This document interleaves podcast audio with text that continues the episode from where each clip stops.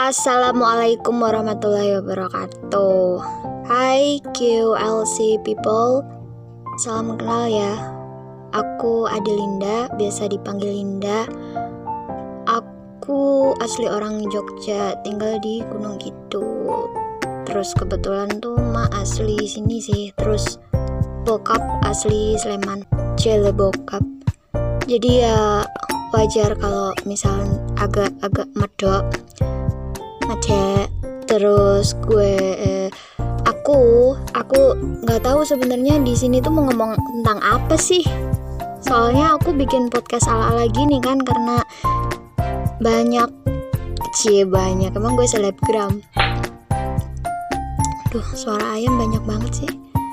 Karena banyak beberapa gitu teman-teman yang pengen aku nyoba bikin podcast dengan beberapa alasan, tapi gue malu kalau gue. Tapi aku malu kalau ini cerita di sini alasannya apa gitu. Nggak pede. Terus dah intinya tuh aku mau perkenalan dulu aja di konten pertama ini. Ayam banyak banget sih. Mal maklum ya gue tinggalnya di kampung soalnya. Eh uh, iya jangan pada berekspektasi tinggi tentang aku. Soalnya aku bukan anak sultan kayak skakol dan sejenisnya. Terus aku juga bukan selebgram. Orang followers juga kebanyakan akun-akun all shop. Kayaknya. Kayaknya sih. Terus dulu nih ya. Dulu tuh aku sempet menjamah. Menjamah. Kayak main YouTube gitulah. Terus beberapa teman di kampus tuh malah bilang kalau gue itu youtuber. Be beban banget. Beban banget guys. Dikiranya gajinya berapa udah monetisasi aja belum.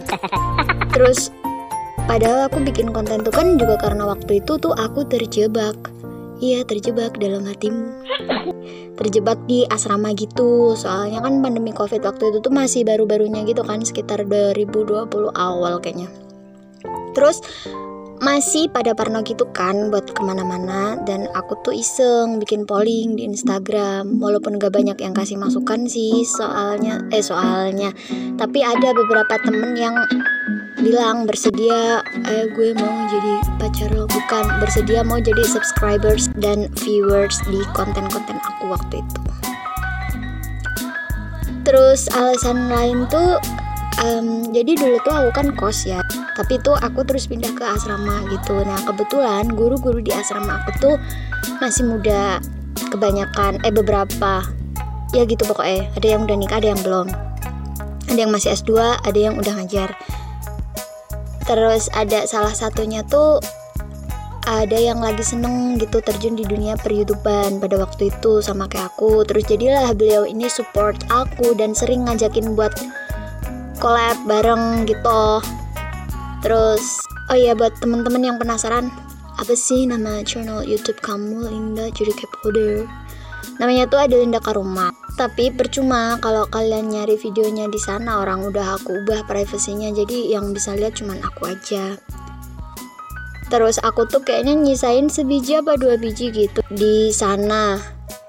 Isinya tuh tugas kuliah semua waktu itu. Buat yang penasaran kenapa alasannya buat yang penasaran kenapa alasan aku ubah privacy video-video aku di YouTube itu ya nantilah aku bahas di konten podcast selanjutnya kapan gitu. Jadi panjang ntar dua jam gak kelar-kelar.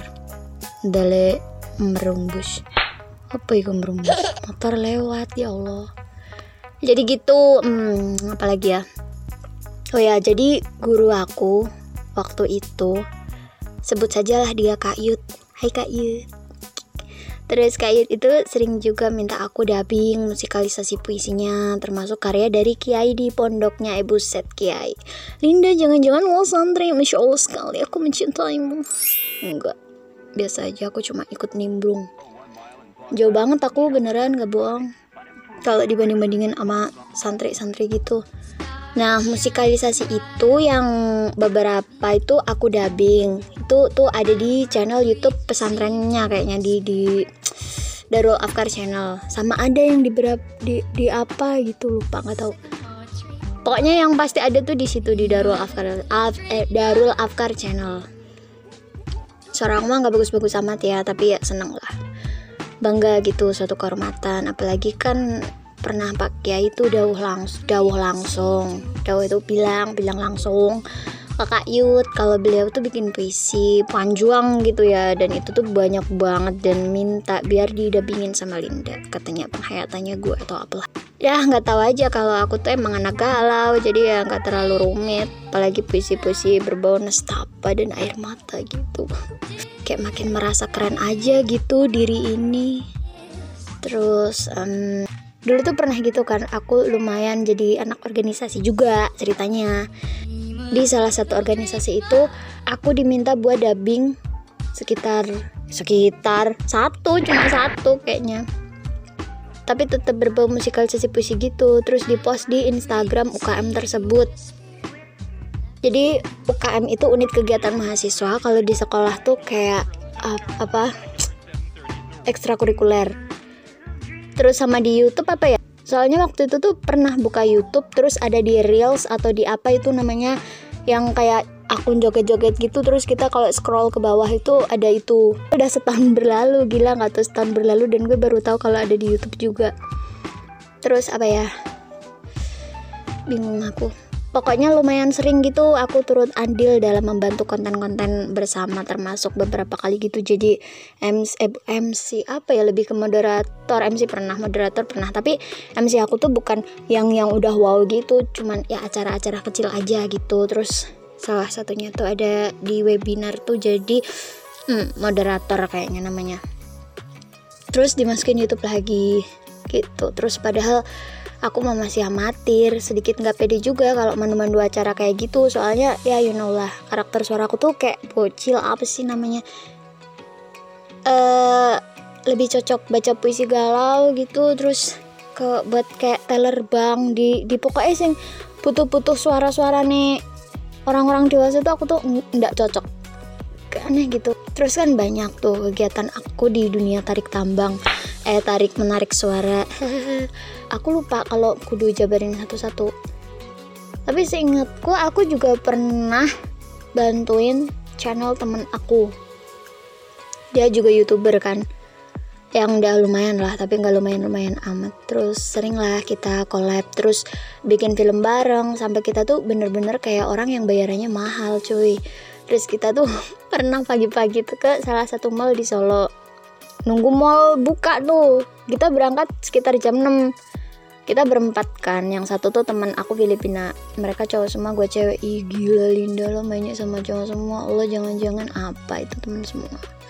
Baik-baik semua. Terus terus ini apa kita kan jam 6 berangkatnya. Nah pas kita nunggu di dalam tuh sampai gabut gitu tuh bingung mau ngapain.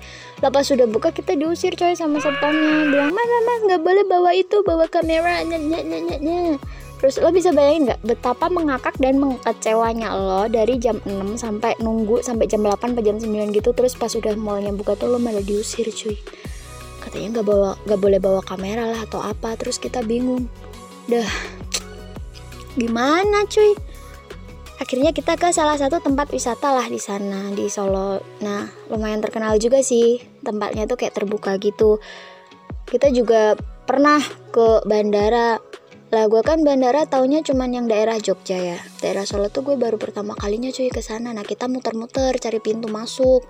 Bener-bener ya Allah kayak orang gabut gila gue tuh kalau ingat. Tuh gue ngapain sampai kayak gitu? Terus akhirnya temen gue yang youtuber ini dia izin ke satpam. Kan gue trauma tuh udah pernah nunggu lama takut diusir apa gimana gitu eh, takut diusir lagi apa gimana. Eh ternyata si pas satpamnya tuh ngizinin udah baik banget. Panjang umur dia pak. Nggak tahu aku namanya siapa. Terus boleh tapi di area luar aja gitu. Dah lah menggembiralah kita semua pada waktu itu. Oh iya, tapi ini kejadian udah sekitar 2018 akhir lalu sih sebelum pandemi melanda dunia ini yang penuh canda. Terus sudah lupakan. Terus oh ya, Kak Yud yang tadi itu tuh kan kan selain Kak Yud itu ada lagi guru yang masih muda. Gila sih. Guru-guru gue di asrama tuh masih muda dan tampan. Terus uh, satu lagi sebut aja namanya tuh Kaucin adalah alasan aku manggil dia tuh Kak Ucin. Terus uh, Kak Ucin ini juga salah satu penggiat dunia seni lah ibaratnya dan dunia sufisme sama kayak kayu tadi. Ya sama-sama santrinya Pak Yai tadi satu perguruan. Nah Kak Ucin ini gue nggak tahu kenapa dia tuh seneng banget dengerin puisi-puisi yang gue dabingin gitu. Dia bilang suara aku tuh kayak suaranya Kak Sana. Tau Sana nggak yang rintik seduh itu loh buat yang belum tahu Kak Sana itu dia sejenis kayak sejenis ya Allah apa ya kayak Fiersa Besari, Boy Chandra gitu ada podcastnya juga terus cari sendirilah yang penasaran Nah, tapi sebenarnya sebelum Kak Ucin bilang kayak gitu tuh ada beberapa temen dan ada yang komen gitu di postingan Instagram aku. Katanya suaramu mirip suaranya Kak Sana gitu. Wah, di situlah aku tuh kayak merasa keren gitu. Terus Kak Ucin tuh sering banget minta aku dabingin tulisan-tulisan beliau. Terus pernah beberapa hari lalu tuh aku bacain karyanya beliau. Terus gak taunya di post di akun baru namanya info, kopi sufi apa-apa gitu. Tuh uh, kayak suatu kegiatan kayaknya mau diajuin jadi UKM juga apa gimana aku lupa dan wow di situlah aku merasa semakin keren aja gitu diri ini keren versi diriku sendiri ya maksudnya terus adalah tuh yang komentar kan salah satu akun YouTube yang kebetulan tuh aku udah rada kenal sih dah lumayan tuh channelnya yang komen itu tuh dimonetas dimonetisasi juga kan soalnya nah next day aku tuh di WhatsApp sama yang komentar tadi dimintain tolong juga buat dubbingin teks. Dan apakah kalian tahu? Tentunya tidak. Nah, aku itu diminta dubbing buat keperluan iklan di salah satu swalayan di daerahnya sana, daerah Brebes. Lah, aku pun sedikit terkejut dan mengakak. Cah cinta kayak aku kok diminta bacain iklan. Tapi itu kayak buat lomba gitu. Terus dia itu diminta tolong sama temennya ternyata jadi mas-mas ini tuh punya temen temennya tuh kerja di swalayan itu nah terus di situ tuh diadain lomba kayak iklan gitu. Nah artis artisnya dabernya apa apanya gitu pokoknya bebas. Itu tuh uh, apa dibantu sama si mas-mas youtuber tadi. Terus uh, karena artisnya mas youtuber itu tuh katanya suaranya kurang cocok gitu. Nah, kalau berhasil soalnya bakal disetel gitu di di swalayannya di di, uh, di swalayannya. Terus uh, apa di PT yang menaungi swalayan itu atau apa istilahnya itu buat pengisi suara yang kayak bel-bel istirahat itu loh kayak di sekolah-sekolah misal jam 12 siang waktunya tidur siang. Terus apa itu namanya?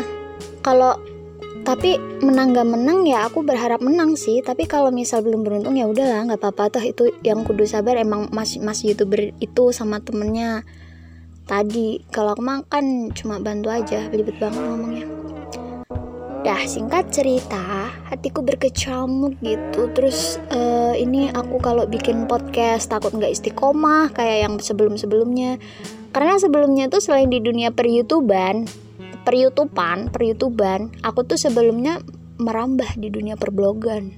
Asik. Nulis gitu di blog-blog dan responnya tuh alhamdulillah lumayan banyak dan positif semua. Terus aku merambahlah di dunia perpuisian. Sering dah tuh ikut-ikut lomba dan beberapa kali dapat penghargaan. Iya benar gue gitu-gitu gue dihargain cuy.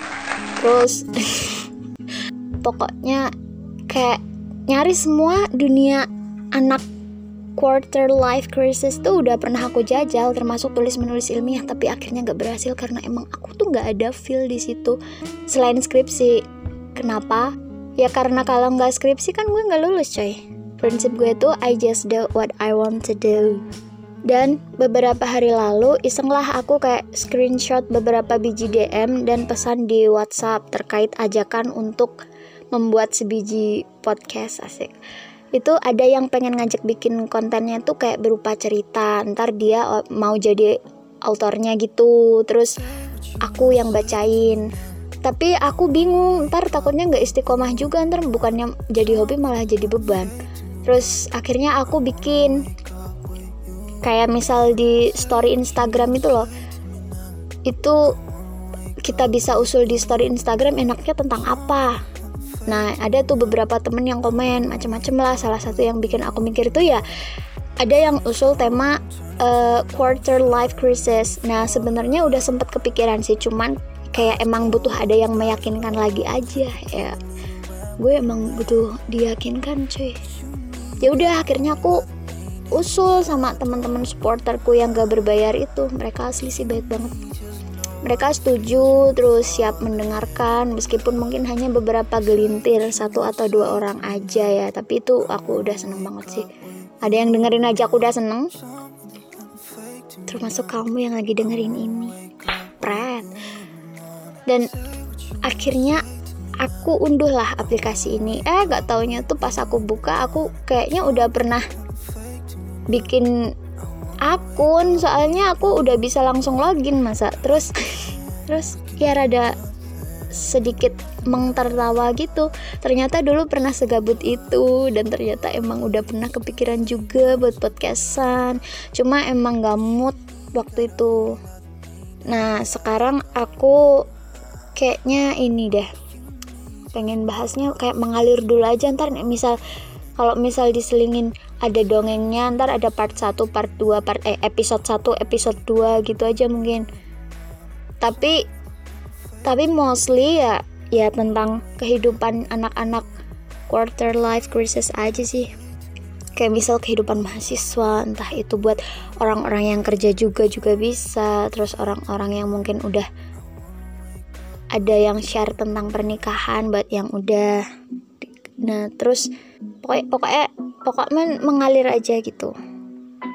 Capek cuy ngomong terus. Capek capek juga ya ngomong terus tuh. Ya udahlah Bismillah doakan aku agar tidak terlalu banyak melakukan kemalasan. Perihal didengar atau tidak yang penting aku suka dulu aja ngejalaninnya dan aku nggak terpaksa yang paling penting makasih udah dengerin sampai akhir. Aku sayang kamu teman. Wassalamualaikum warahmatullahi wabarakatuh. Bye